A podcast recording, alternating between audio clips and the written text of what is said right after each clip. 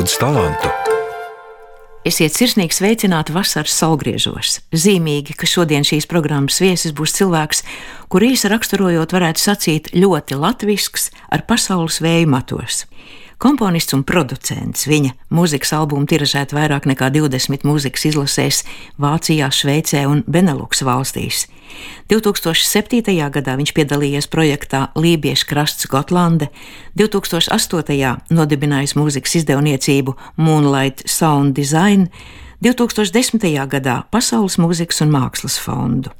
Sadarbojies ar pašmāju un ārvalstu dziesmu tekstu autoriem, instrumentālās mūzikas izpildītājiem Latvijā un pasaulē zināmiem solistiem un muzikālām apvienībām, tajā skaitā no Islandes, Grūzijas un Armēnijas. Atkārtot ieguvis Latvijas mūzikas ierakstu gada balvas. Īsi sakot, ārkārtīgi apdāvināts un daudzpusīgs mūziķis Raimons Tiguls.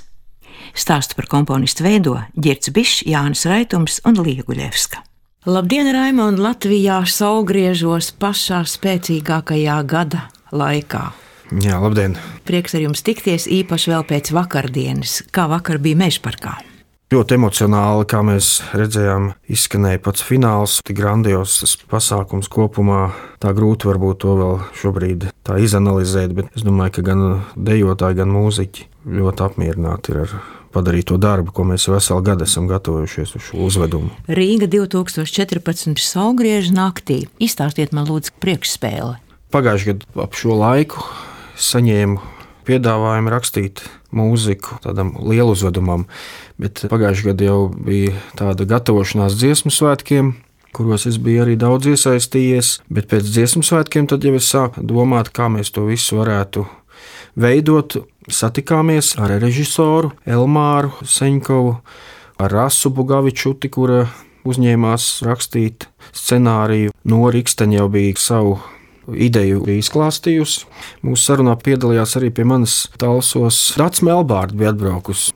Viņa vēl toreiz nebija kultūras ministre. Toreiz mēs tādā radošā gaisotnē domājam, reāli pie darba es ķēros rudenī tiksim, tie ziemas saulgrieži man pagāja, var teikt, vasaras saulgriežu ja? zīmē. Jā. Jūs varat pateikt, kā jums nāca konkrēti šī mūzika? Kaut tas kāds pragmatisms ir, ar tajā ir iekšā, vai tas tomēr nāk jau pilnīgi no gara? Sākumā mēs tomēr ar Jānu Erglu, choreogrāfu, arī izrunājām tās nianses. Es tagad smējos, ka man vajadzētu tomēr pamēģināt kādā tautas deju kolektīvā padejot, padejot jā, lai saprastu to specifiku, jo kā veidot to mūziku, kā tur dejotājiem ar taktsmēru, kā tas ar tempiem.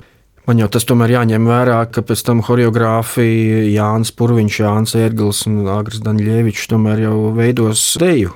Bet daudz skaņdarbu man tapa nu, īpaši nedomājot par to deju. Un, godīgi sakot, tie tad arī ir tie varbūt veiksmīgākie. Sižets varbūt pāris vārdos izstāstiet meiteni, tā tad Jāņa naktī pasaulē. Nu, tas ir tāds mīlas stāsts, ir, bet katrā jā. ziņā tā ideja arī ir parādīt šo tradīciju skatītājiem, arī ārzemju viesiem. Protams, ka tas mīlas stāsts, kā, kā tā bez stāva, ne, jā, tur Jāņos jau. Patiesībā arī šajā uzvedumā tas galvenais jau ir. Nu, labi, mēs tur esam veidojuši tādus blokus, ūdens un uguns bloki. Mm -hmm. Tur. Es to vairāk priekš sevis uztveru, tas ir ceļš uz gaismu, ja tā var teikt saulgriežos, ka tas aplis noslēdzās, te pašā laikā arī sākās. Nekas es, nebeidzās. Jā, es, es vairāk varbūt tā kā filozofijas gribētu pieiet. Es to pats arī to tā sajūtu. Man, teiksim, arī Jāņi nav tāda pārlieku liela. Es negribu teikt, ka trūkst jautrības, bet katrā ziņā gan eh, Ziemassvētkos, gan Jāņos man pārņem vairāk tādas pārdomas par dzīvi, jā, pašam. Bet tas ir skaisti, jā. Mm -hmm. Es neesmu no tiem uh, līksmotājiem pārlieku. Nu, līksmojot, varbūt vieglāk to papardu ziedu ir atrast. no. Teiksim, ja tu tā dziļi esi nu, iegribis pārdomās, varbūt tam paiet garām kaut kā. Nu, jā.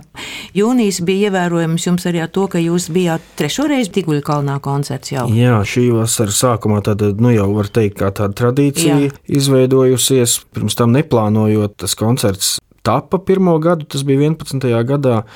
Gan jau vecstāvs tur kaut ko pabīdīja no augšas. Tas bija vecāta tēvs, kas tēvs, jā, vietā tur, tad varēja kaut ko pabīdīt. Mm -hmm. Jā. Klausītāju lokus ar katru gadu vēršas plašumā, un arvien vairāk apmeklētāji ir priecīgi, ka tiešām cilvēki ar katru gadu vairāk brauc uz turieni. Es to pats gluži pa koncertu pat varbūt negribētu saukt. Man tā vairāk ir tā kopā būšanas sajūta, un, godīgi sakot, vakar gaitā arī ir tā kopības sajūta ļoti jūtama. Un tad jau tradicionāli mēs noslēdzam koncertu ar dodieviņu, ar dziesmu, kas arī dziesmu svētkos izskanēja. Un šogad jau tas brīdis bija tik emocionāls, ka knapi varēja, godīgi sakot, padziedāt. Jo publika vienkārši jau dzirdot jau pirmās notis, mm. cēlās kājās. Tas man tā bija tik aizkustinoši, ka tā bija grūti pat uzsākt dziedāt. Jā dodi viņi dodamo, es saņemšu ņēmamo, es saņemšu ņēmamo ar abām rociņām, es saņemšu ņēmamo.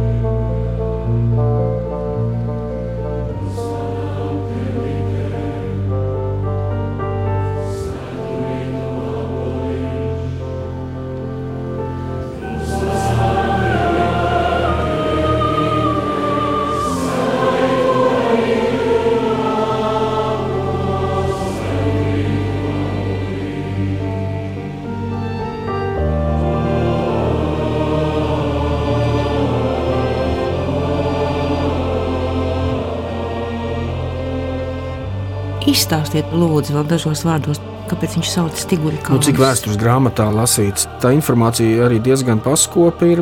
Tajā vietā, kur šobrīd ir pilsētas parks, dendroloģiskais un novada muzejs, tad vairāk kā pirms simts gadiem tur bija tādas tiguļu mājas. Un tāds oktes barons tā bija izlēms celt to savu pili. Un šobrīd tādā pilī atrodas novada muzejs. Tad Tās tiguļu mājas, tā zeme, acīm redzot, tika iedalīta kaut kur turpat netālu. Es mm -hmm. turpat ļoti netālu arī no tās vietas dzīvoju. Savas mājas var redzēt to tiguļu kalnu. Cik es zinu, tad eh, tikai Latvijas laikā tas kalns ir iegūstis to nosaukumu Tiguļu kalns.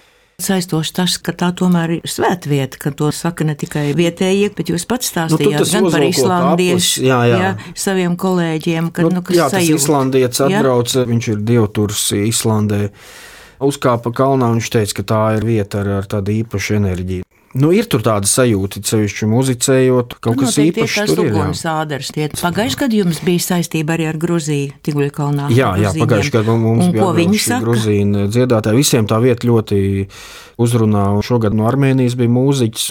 Pirmais, kad mēs aizbraucam uz Talsiem, protams, viņi grib redzēt, kur tas notiks. Un, mm. es jau tur stāstu, Tiguļu kalns, bet nu, arī īslandiešiem jau tas kalns, es viņiem saku, tas nav tāds, nu, kā jums tur kalni ir. Un, un, un mhm. tāpat arī Gruzīniem jau mēs zinām, tur ir pilnīgi citi mērogi ir un Jā. arī Armēnijā.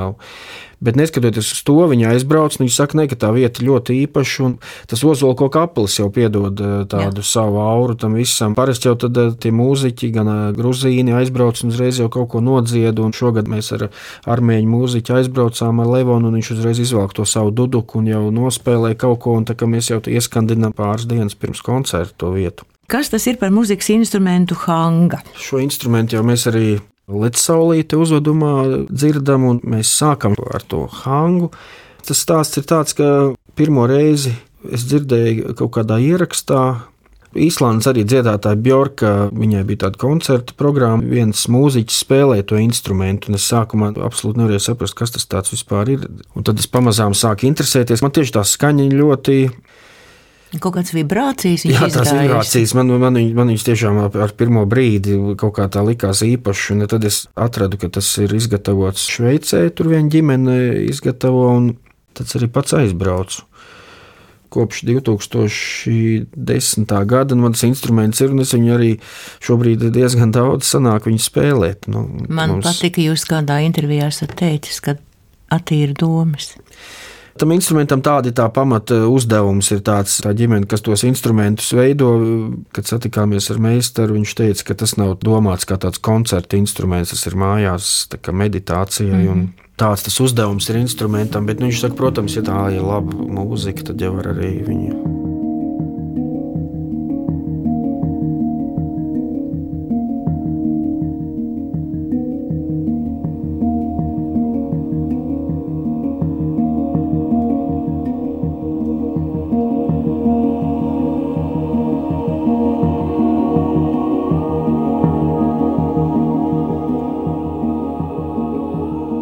instrumentam ir tāda skaņa, ka tie mūziķi, ar ko es kopā muzicēju, nu, kad es Īslandē biju, un, un tie īslandieši klausās, viņi saka, klausies, ja gribi zināt, kā skan Īslande, tad nu, tā skan tā, tas hangs, nu, tā, tā skaņa zemē esot Īslandes.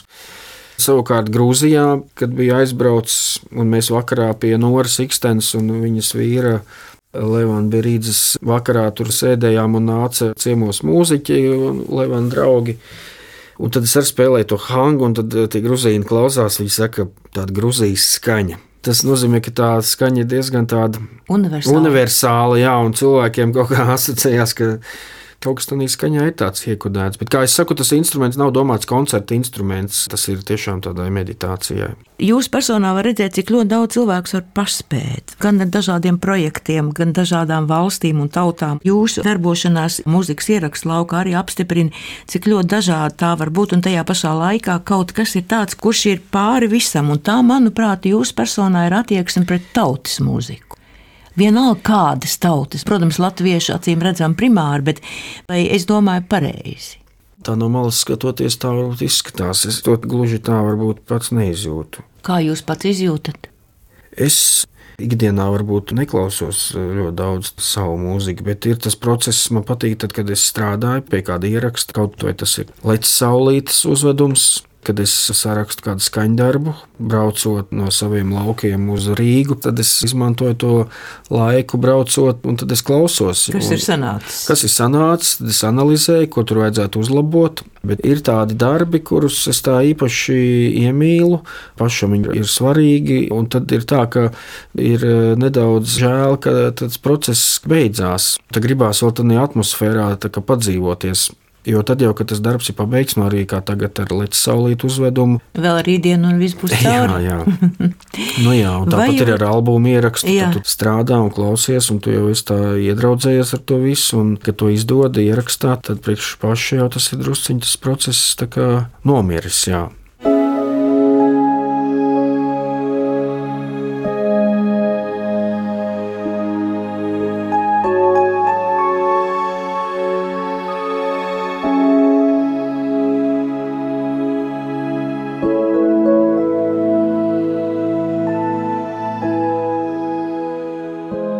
Es domāju, par klasiku jau ir kļuvis televīzijas seriāls Likteņa līdumnieki.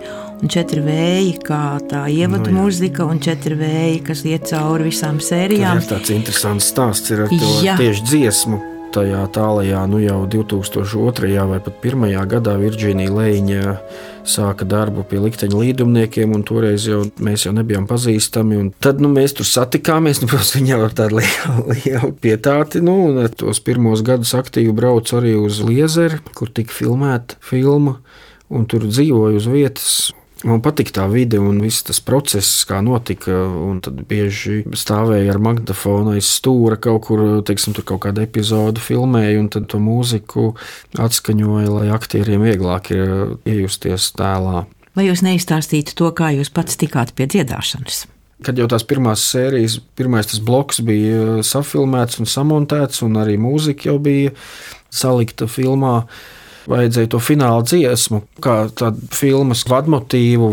Čīna man ieteica Elzas stērsts, to četru vēju tādu dzīvolīti. Tur bija priekšdziesmas, tā kā drusciņa vārdi pamaz bija, un tad es tur pats piedzējoju klāt divas rindiņas, un mājās iedziedāju tādu demo versiju. Paraugam, vai ne? Paraugam, jā, Jā. Un, un es patiesībā jau, es varbūt tagad negribu atklāt, bet es to dziedāšanu gribēju uzticēt vienam savam arī labam draugam, kurš, manuprāt, būtu labāk to interpretāciju izveidojis. Bet es to demo aizsūtīju, un, un Virģīnija pielika jau tajā filmai klāt visus tos gadus. Tas manis iedziedātais motīvs tur arī noskanēja. Es domāju, ka tas ir ļoti, ļoti dziļi iegājis tautā, jo seriāls ir ārkārtīgi iemīļots. To un pat nevar nosaukt par seriālu mūsdienu izpratnē, bet gan par tādu tautas likteņu stāstu patiešām. Man gribētos, lai jūs tagad paklausāties, ko Virģīnija Lēņa pati saka par šo sapazīšanos ar jums. Manuprāt, Rēmons ir neparasti apdāvināts mūziķis. Bet viņā ir viena īpašība, kas, manuprāt, viņu paceļ tālu pāri apdāvinātiem cilvēkiem. Viņā ir kaut kas ārkārtīgi latvisks. Tas nav pat tādā, varbūt apzināta prāta līmenī. Man liekas, tas ir kaut kādā jau viņa struktūrā iekšā. Jo viss, ko viņš raksta, ir ārkārtīgi latvisks. Bet tā lielākā vērtība ir tā, ka viņš reizē ir ļoti, ļoti mūsdienīgs. Tas man liekas kaut kas vienreizējs. Šīm lietām ir jāattīstās, jāpaceļ jau citā kvalitātē, un viņš to dara lieliski. Es domāju, ka tie, kas skatījās līteņu līdumniekus, pārliecinājās par to un iemīlēja Raimonu mūziku. Kad jau dzirdēju titru mūziku, man pašai vienmēr tirpuļi gāja pa kauliem. Viņš ir ļoti nopietns cilvēks. Tas, ko viņš visu laiku meklē, studē, braukā, iepazīst, gala rezultātā kļūst ļoti latvisks. Viņš ieinteresējās par kaut kādiem instrumentiem, kurus sen jau visi ir aizmirsuši. Viņš atrod dziedātājus ārkārtīgi īpatnējs, interesants. Bet viņa talants ir plašāks. Man bija viņa sadarbība arī pie izrādes Pirosmanī, Daugavpils teātrī, pa gruzīņu gleznotāju. Arī tā mūzika bija vienkārši lieliska. Viņa izsaka to dvēseli, ko vārdos nevar izteikt. Katrā ziņā es domāju, ka man ļoti paveicās, ka man saver dzīve kopā ar viņu, jo ir jau ļoti svarīgi, lai viens otru labi saprotu. Viņam ir brīnišķīga mamma, viņam ir ļoti skaista dzīves vieta tālsos. Ideja viņam netrūkst, iespējas arī. Man liekas, ka viņš ir atkal jāsaka viens no retiem, kas ļoti labi māk apvienot radošo ar tīri pragmatisko kas ir, man liekas, lieliski radošs cilvēku īpašība. Lai viņš pēc iespējas vairāk turpina visu, ko labi radīt, un, un mēs par to priecāsimies. Tāds ir televīzijas režisores Virģīnijas Lēņas vēlējums.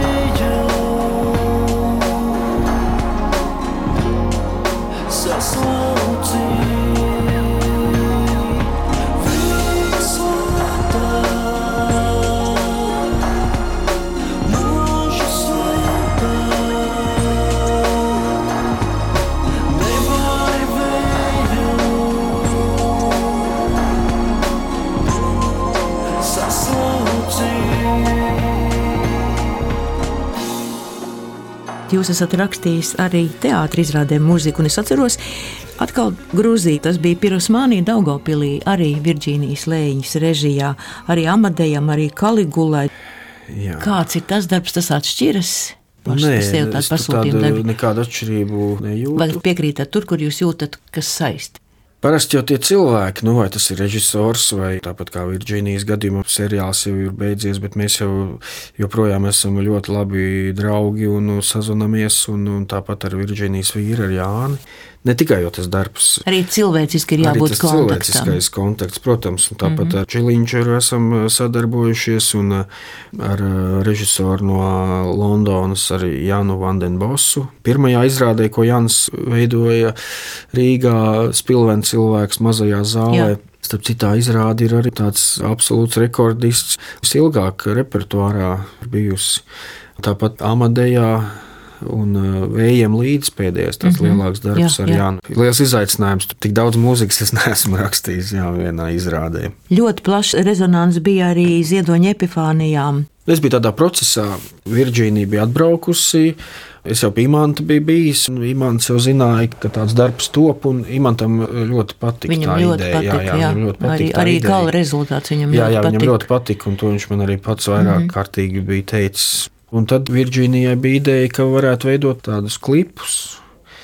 Imants lasa epifānijas un mūziku, un tad arī tāds video klipus. Jā, un tad mēs braukājām, meklējām tādas īpašas vietas Latvijā. Kurzemes pusē tur tāda elka liepa ir eh, Valdemāra pilī, un es ieteicu, ir tāds ļoti skaists mazs ūdenskritumiņš. Tas ir ceļā, braucot no Dundagas uz Mazirbi, un tur mežā tur jāatrod, ja tur jāzina, mm -hmm. cik es zinu, tā vieta nav iezīmēta turisma ceļvežos, paliek tāda, mm -hmm. kāda viņi ir. Man ļoti likās arī tipiski jums jūsu būtībai piedalīšanās arī dažādos labdarības pasākumos, ko jūs vispār cilvēkos pats vērtējat visaugstāk? Es nevaru teikt, ka es tādu savus draugus tā kaut kā vērtētu. Tā nav. Varbūt tie ir tavi draugi, tāpēc ka tu viņus nemaz tā nevērtē. Kaut kas nu, jā, nu, cilvēkā tie, piesaista. Nav, nav, jā. Kam ir jābūt, lai būtu jūsu draugs? Noteikti, ka visi var būt savā ziņā draugi. Satiekās un tad ir kaut kāds garīgs kontakts. Jā, tas ir līdzīgi arī muzicējot. Ir jau kādreiz satiekās ar mūziķiem, un uh, dažreiz tā saspēle veidojās ļoti labi, un dažreiz uh, netik labi, un dažreiz viņi nemaz neveidojās. Un kā tu tur vari izskaidrot, kas tur pa lietu? Tas tā kā laulības dzīve noteikti līdzīga. Tas viss jau ir pētīts un izpētīts, un tāpat skaidrības vairāk par to lietu nav. Skaidrs tomēr ir tas, ka viens no Raimonda Tigula radošajiem draugiem noteikti ir rakstniece Nora Ikstena. Jā, Raimons ir tiešām tāds mūža draugs.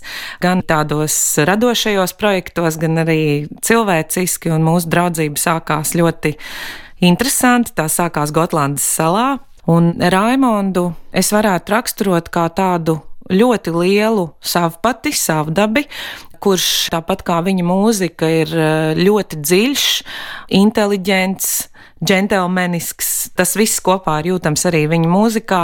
Tā pašā laikā man liekas, ka viņam ir tā tīrā bāze, viņu ļoti interesē etnomūzika, viņu interesē tautas mūzika, un no tās viņš vienmēr smeļ, un no tās viņš rada tos savus muzikālos šedevrus.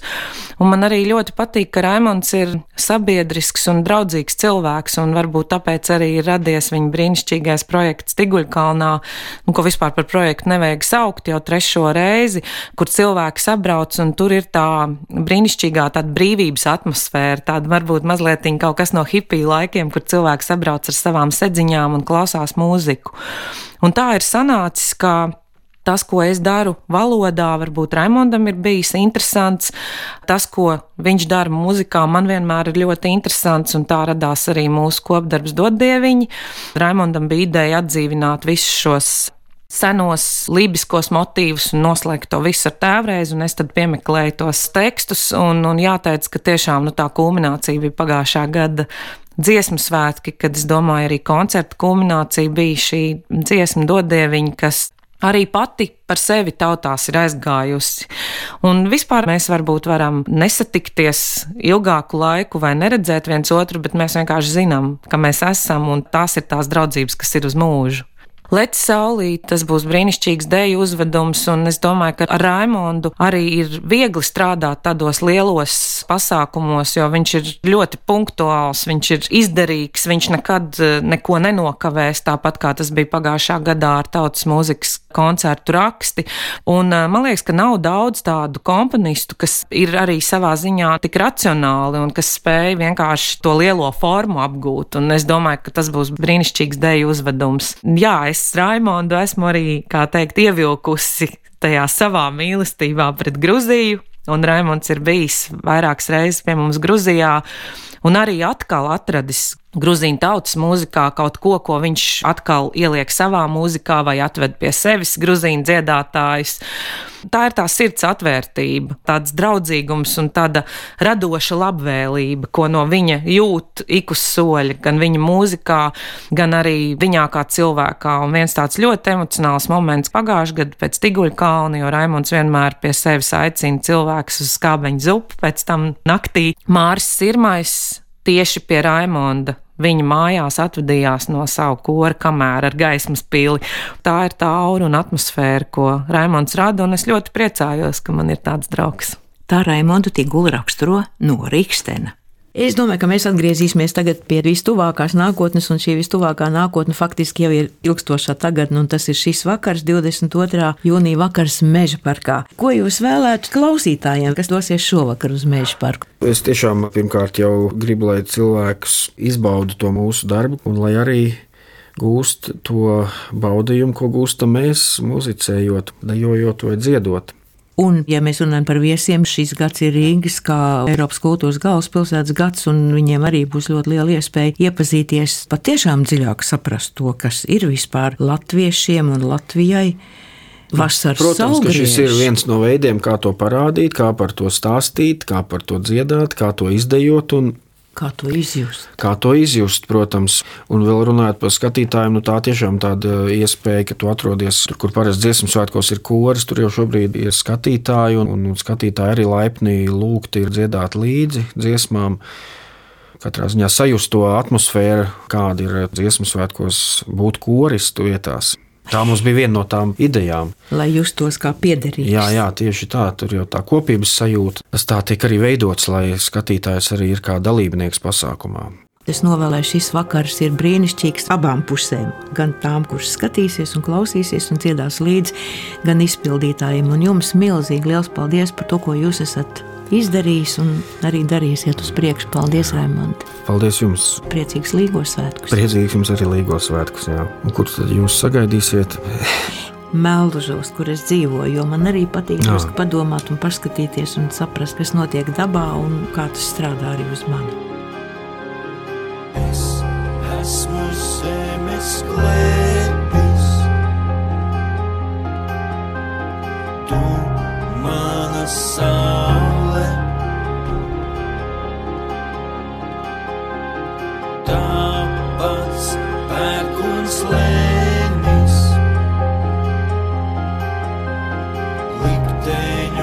likteņu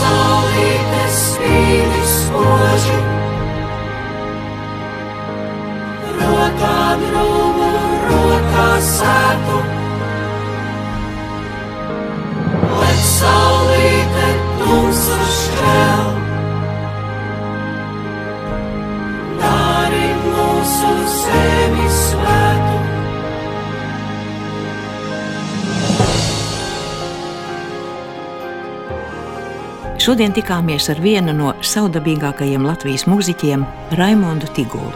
Stāstu par komponistu veidoja Girts Bišs, Jānis Raitums un Lieguļevska. Lai jums gaiši līgos svētku un teiksmaini Jāņa nakts, dabas sirds ir vaļā. Kā ir ar jūsējo?